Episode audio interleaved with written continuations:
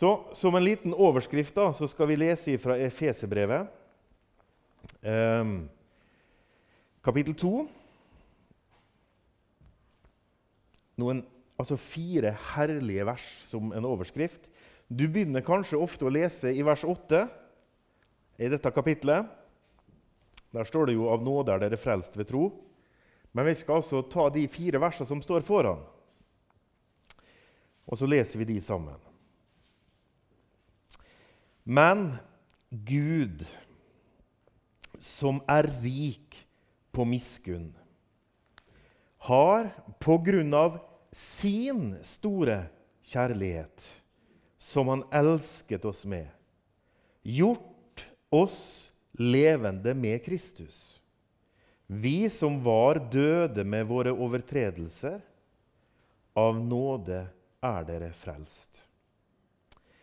Han oppvakte oss med ham og satte oss med ham i himmelen, i Kristus Jesus, for at han i de kommende tider kunne vise sin nådes overveldende rikdom i godhet mot oss i Kristus Jesus.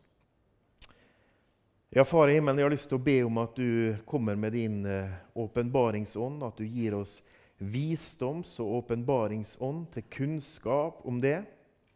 Og jeg ber om at du gir oss hjertets opplyste øyne, så vi forstår hvor rik på herlighet din arv er. Amen.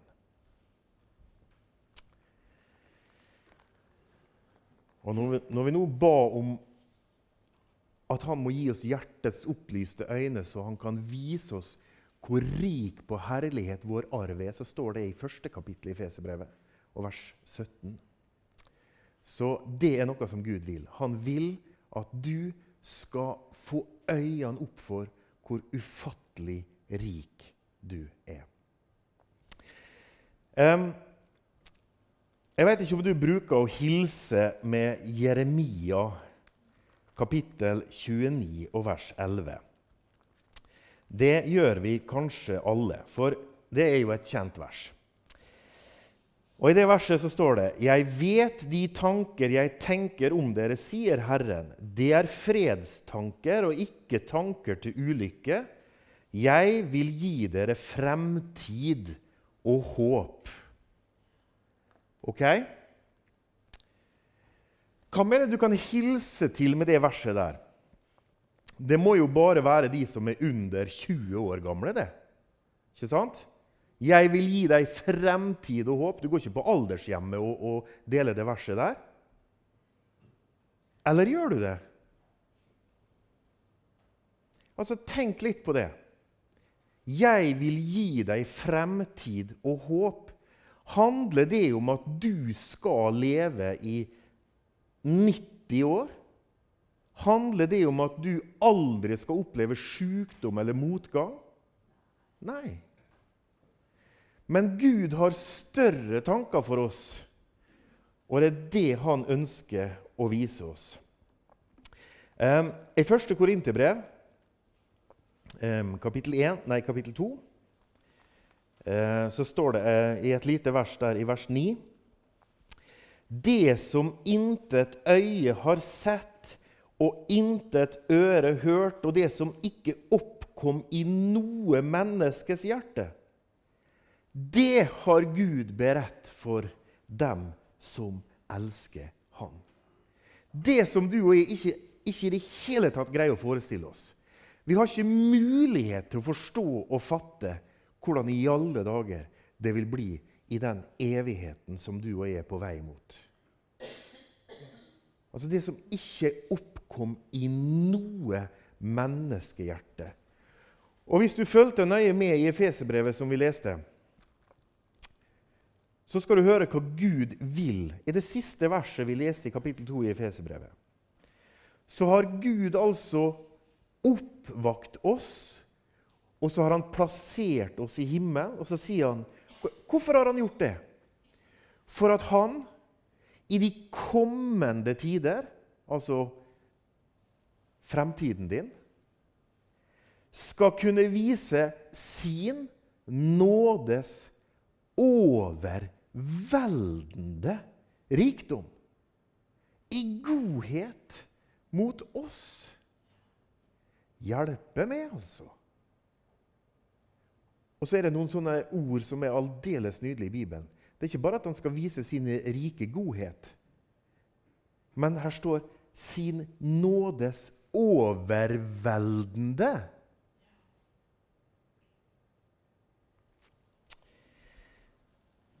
Vet du, jeg fatter rett og slett ikke hvorfor folk ikke vil ha med Jesus å gjøre. Jeg forstår det bare ikke i min villeste fantasi. Gud har altså ordna en fullkommen frelse, og han vil ha fellesskap med oss når livet her er ferdig. Og det livet kan være ferdig uhyggelig fort. Plutselig. Vi veit ingenting om i morgen. Absolutt ingenting. Men vi veit, vi som hører Han til, så veit vi i alle fall hvor vi ender hen. Du, det er mange ting som skjer i himmelen akkurat nå. Det er litt spennende å tenke på. Jeg håper du som hører Jesus til, har det usynlige for øyet, og ikke bare det synlige. For det å høre Herren til å bruke Hans ord og Hans bok, det handler jo nettopp om å se inn i den usynlige verden. Ikke sant? Vi har den synlige verden som Gud har skapt med sine regler og med sine eh, fysiske lover, matemat matematiske lover, sånne ting som jeg elsker. Som folk syns er veldig rart at noen elsker, men sånn er det jo fysikk og matematikk, og så se at Gud har et system og en orden på det han har skapt, det er fantastisk nydelig. Bare å plukke frem, eh, bare å plukke frem det menneskelige DNA, som holder, inneholder så ufattelig mye data og informasjon, at å skulle si at dette her bare plutselig begynte å eksistere, er faktisk en matematisk umulighet. Og det går en del forskere rundt og tror fordi de vil ikke tro på Gud. Det er faktisk en total umulighet. Fullstendig. Jeg tror på en Gud som alltid har vært der. Noen tror på ingenting, og plutselig en dag så eksploderte ingenting. Eh, hjelpes med? Er det mulig? Er det faktisk mulig? Nei, det er ikke det. Det går faktisk ikke an og det lar seg altså statistisk og matematisk bevise også at det er en umulighet. Men der vil ikke verden gå.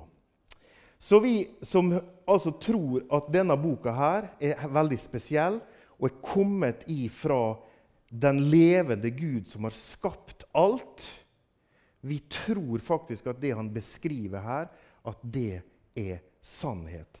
Og Derfor så skjer det en del ting i himmelen akkurat nå. Jesus han sier det at han er gått til himmelen for å ordne et sted for oss å være. Og Det har han brukt en god del tid på, så det må bli et fantastisk nydelig sted. Det stedet som han nå arbeider med. Et sted for oss å være. Og så er det masse jubel i himmelen. For hvert eneste menneske som blir frelst, forteller Lukas 15 oss så jubler hele engleskaren. Og det er noen som blir frelst på denne kloden hver dag, som gir sitt liv til ham. Så det er ofte jubel og glede i himmelen. Og Vi leste også i Efeserbrevet 2 at vi er allerede plassert med Kristus i himmelen. Så det også skjer akkurat nå. Hebreerbrevet sier at Jesus han er nå i himmelen for å representere oss og åpenbare seg for Gud for oss. Det skjer i himmelen akkurat nå. Jesus har satt seg ved Guds høyre hånd. Det skjer akkurat nå. Der sitter Jesus Kristus ved den allmektige Faders høyre hånd. Så det skjer noe i himmelen nå. Men det som er spennende, det er altså det som vi skal møte, og det som vi skal bli. Eh, bli med til 1. Johannes eh, brevet. Um, og kapittel 3.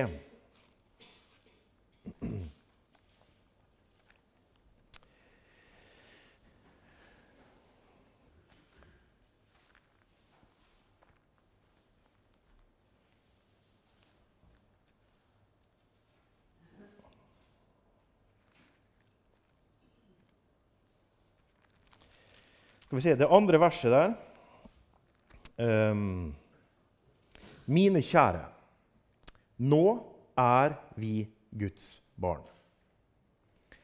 Altså, Jeg tror at Gud har skrevet det han mener, og jeg tror han mener det han skriver. Derfor så tror jeg på alt som står i denne boka. her. Hvis et menneske skal begynne å plukke ut hva jeg kan tro på og ikke, da, er det bare å glemme. Jeg gidder ikke å høre på sånne mennesker. Jeg hører bare på Gud. Og når Gud sier til meg, som tror på dette her Nå er vi Guds barn. Så trenger ikke jeg å føle det. Jeg trenger ikke, å, jeg trenger ikke virkelig å, å, å, kjenne på hele kroppen min at dette er sant. Jeg bare leser at det står at 'nå er vi Guds barn'. Og så vet jeg at det er sant. Og så er det av og til herlig å kjenne at det kribler inni kroppen fordi jeg vet at det er sant. Men du vet, noen av oss de har et veldig sånn følelsesliv som er sånn. Veldig flatt. Og da er det ikke så ofte vi får disse her høye eh, bølgedalene. Men vi gleder oss likevel, vi òg, altså, sjøl om vi er sånne her tørre ingeniører. Um, nå er vi Guds barn. Og så står det og det er ennå ikke åpenbart hva vi skal bli. Hei, hei.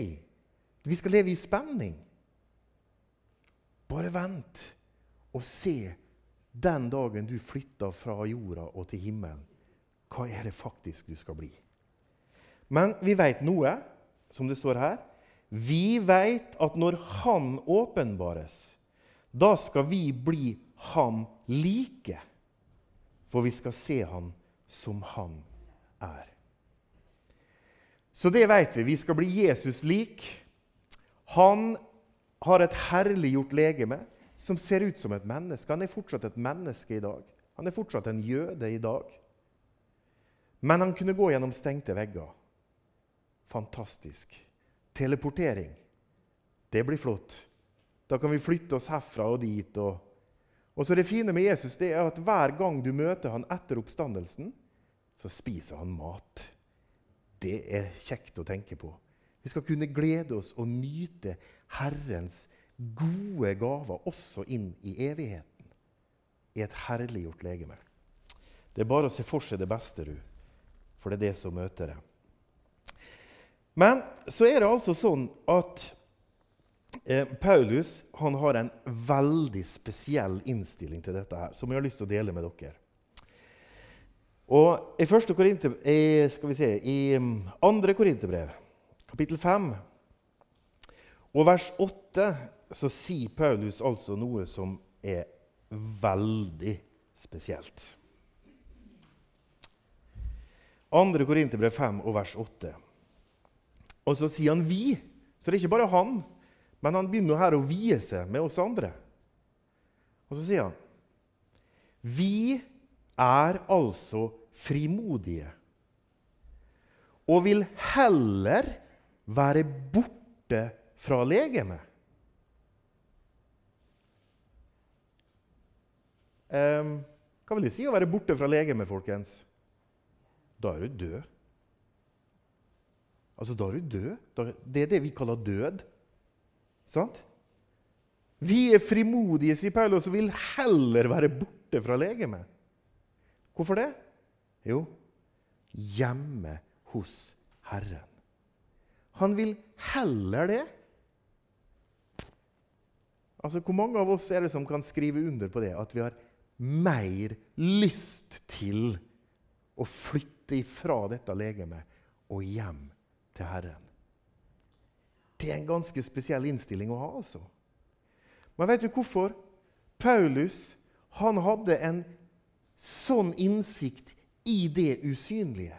Han visste hva som venta han. Hadde vi ant litt av dette, her, så hadde vi gått rundt her og ønska oss vekk fra legemet, vi òg og hjem til Herren. For en innstilling. Og for en innstilling det blir til livet når du har det sånn. Og Da blir du med til Filippebrevet. Og Først kapittel 3, og så skal vi til kapittel 1 etterpå. I Filippebrevet. Og Der kjenner du jo verset, vers 8, Filippebrevet 3. Ja, jeg akter i sannhet alt for tap.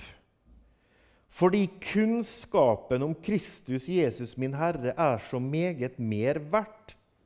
For Hans skyld har jeg tapt alt, og jeg akter det for skrap, for at jeg kan vinne Kristus og bli funnet i ham, ikke med min egen rettferdighet, den som er av loven, men med den rettferdigheten jeg får ved troen på Kristus. Rettferdigheten av Gud på grunn av troen. Paulus han altså akta det for skrap, alltid sammen.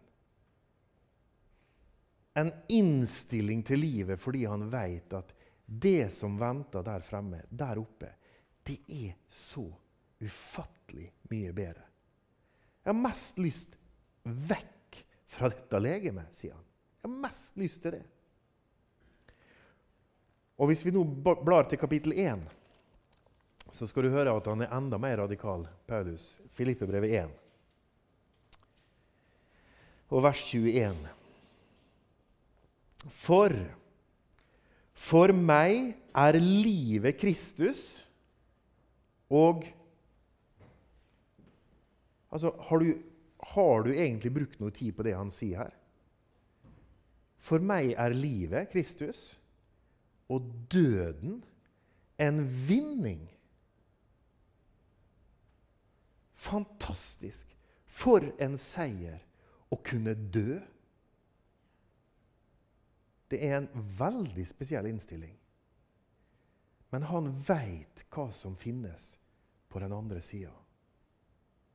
For en vinning det er å dø. For da skal du endelig få oppleve den herlighet, den overveldende godhet og rikdom som Gud har tenkt til og lyst til å vise til det. Du som hører han til. Men så sier jo Paulus da, Du får litt innsyn i hva han tenker her. Men dersom det at jeg lever i legemet, gir frukt av mitt arbeid, da vet jeg ikke hva jeg skulle velge. ok? Dersom det er noen her på jorda som, som, har noe glede av det jeg holder på med, da, så ble det litt vanskelig å velge, faktisk. Da, da, da kan det hende det hadde vært greit å være her på jorda litt til hvis det er noen som har glede av meg. Men egentlig har jeg mest lyst å reise til himmelen.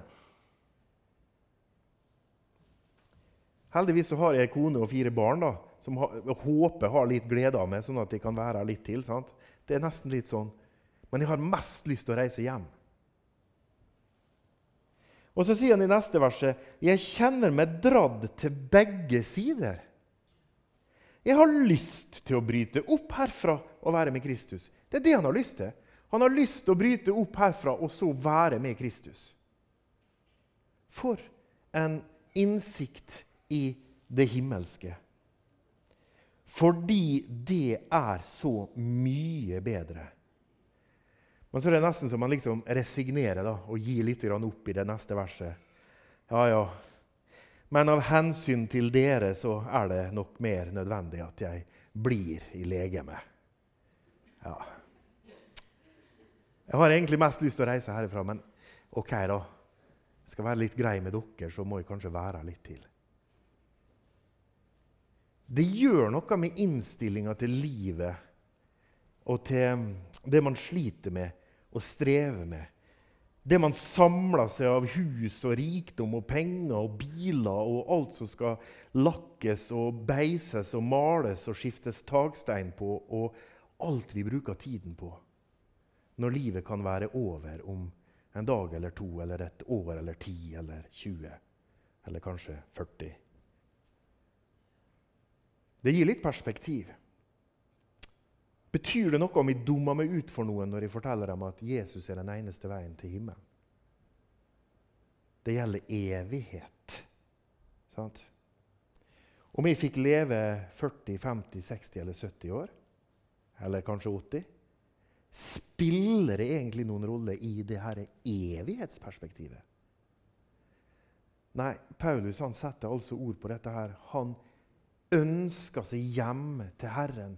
Fordi det er jo så mye bedre enn å holde på her og slite med sin egen syndige tanker, sine egne syndige lyster, og med all sin egen synd som man lar gå utover andre mennesker. Alle man skuffer hver eneste dag. Alt man sliter med og strever med av egentlig ting som betyr forferdelig lite. Tenk så herlig å være fri alltid, og så bare være hjemme hos den Gud som har skapt med oss alle sammen. Endelig være i det rette elementet som han har planlagt. Jeg veit ikke hva jeg skal bli, men jeg veit at jeg skal bli han lik. Det veit jeg. Og så sier Bibelen en god del også om det som venter oss i himmelen der fremme. Og altså, Kanskje et av de herligste versene om det er jo eh, Johannes' åpenbaring, kapittel 21, vers 4. Og Det er altså inn i evigheten. Den nye himmel og den nye jord. Han skal tørke bort hver en tåre fra deres øyne. Og døden skal ikke være mer. Og ikke sorg og ikke skrik og ikke pine skal være mer, for de første ting er veket bort. Um, jeg tror ikke at dette er sant. Jeg veit at det er sant. Fordi denne boka har jeg lest så mye at jeg vet at det er en umulighet at mennesker kan stå bak det som er skrevet der, alene. Denne boka er skrevet over en periode på nesten 2000 år. Av 40 forskjellige mennesker. Samla i 66 bøker. Det er en umulighet å få et budskap så tydelig og så klart til å henge så mye sammen. Det er en umulighet. Du kan reise til Israel i morgen og så kan du lese Det gamle testamentet som ligger i nesten sin helhet fra år 200 før Jesus ble født. Og så kan du lese alle de 330 profetiene om Jesus som han oppfyller. Hvor han ble født hen, hva han ble født av, hvordan han ble tatt livet av. At de, delte, de hadde loddtrekning om kjortelen hans. Mer enn 330. Hvis du regner statistisk matematisk på det, så får du en usannsynlighet som er mer enn Altså eh, ja, Du har ikke tall til å forklare det engang. Hvis du tar 48 av de profetiene, så får du en sannsynlighet som er 1 til 10 i opphøyd i 80, nei, 170. Og det er 10 i 80. atomer i det synlige univers. Så du aner det at det, det er en total umulighet. Det er fullstendig umulig at dette her er lagd av noen. Fullstendig umulig. Denne her er utenomjordisk. Og når det da står i denne boka at dette venter meg, som har gitt mitt liv til Jesus, så er det ikke bare det at jeg tror på det, men jeg veit at det er sant. Og det var akkurat sånn Paulus hadde det. Han visste hva han gikk til. Det er jo så mye bedre å være sammen med Herren.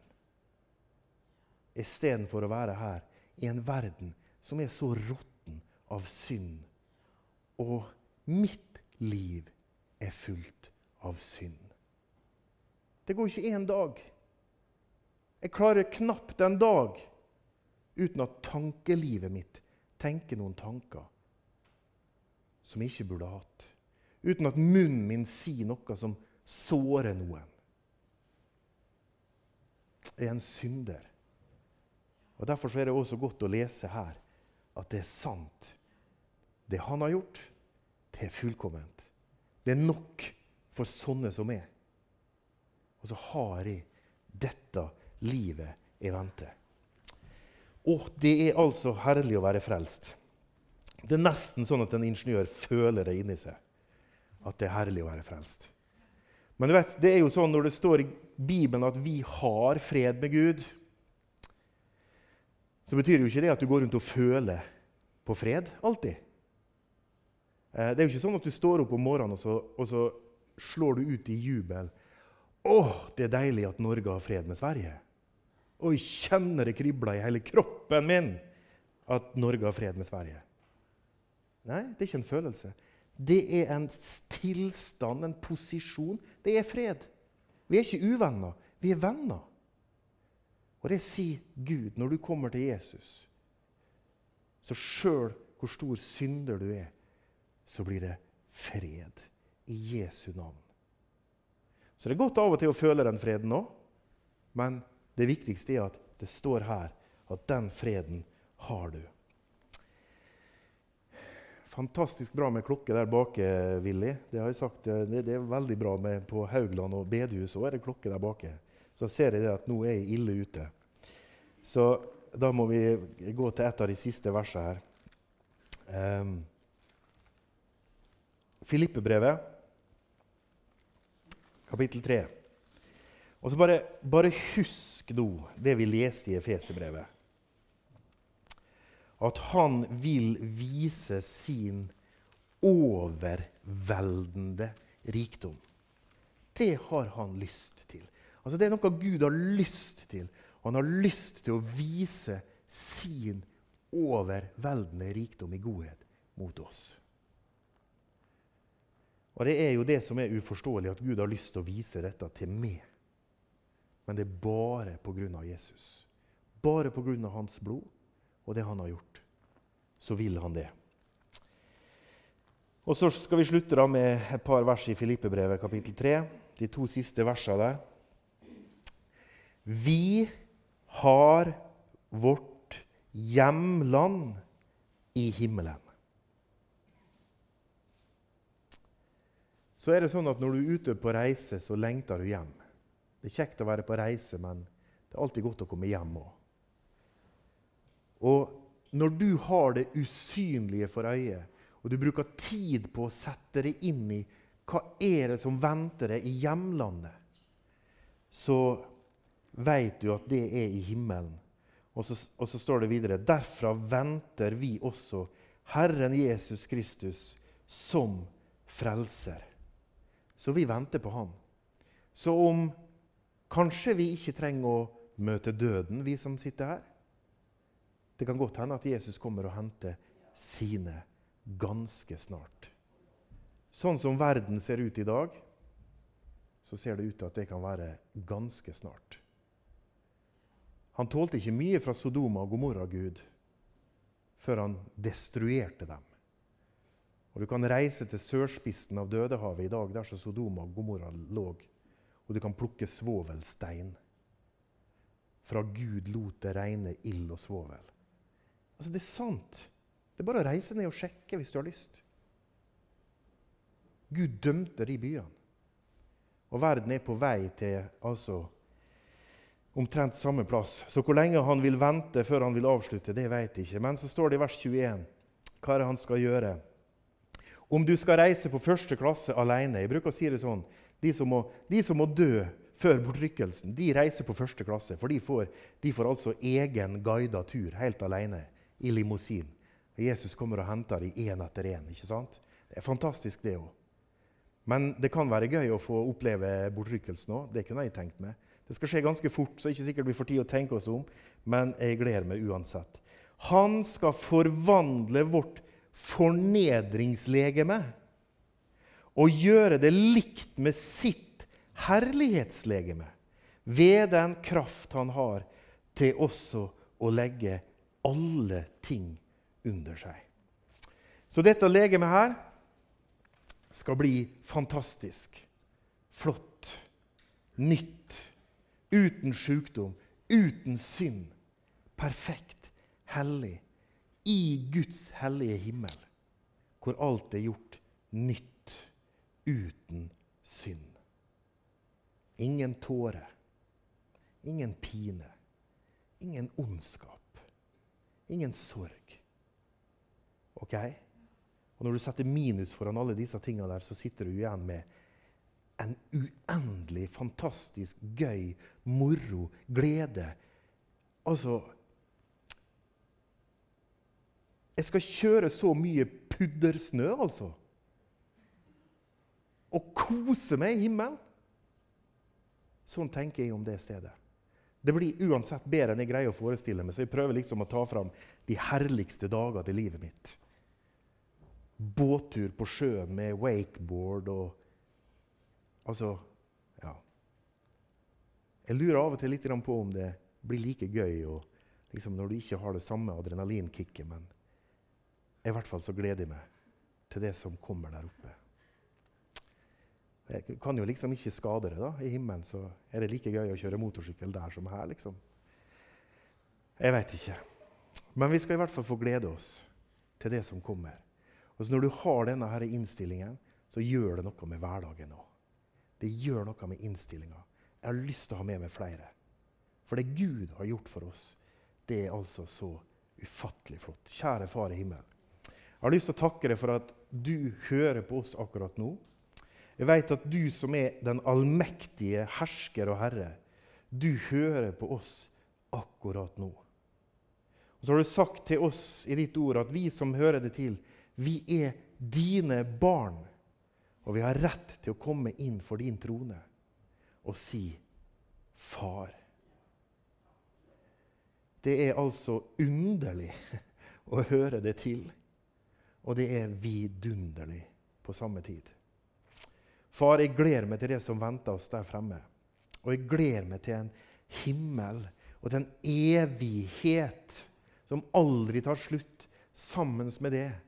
Og sammen med de som er glad i, som har gitt sitt liv til det, Jesus. Og hjelp oss til faktisk å lengte bort fra legemet og hjem til det. Hjelp oss til å ha det usynlige for øyet, sånn at dette blir viktig for oss. Og Jesus, hjelp oss til å få med oss flere. Jeg fatter ikke at noen vil si nei til det.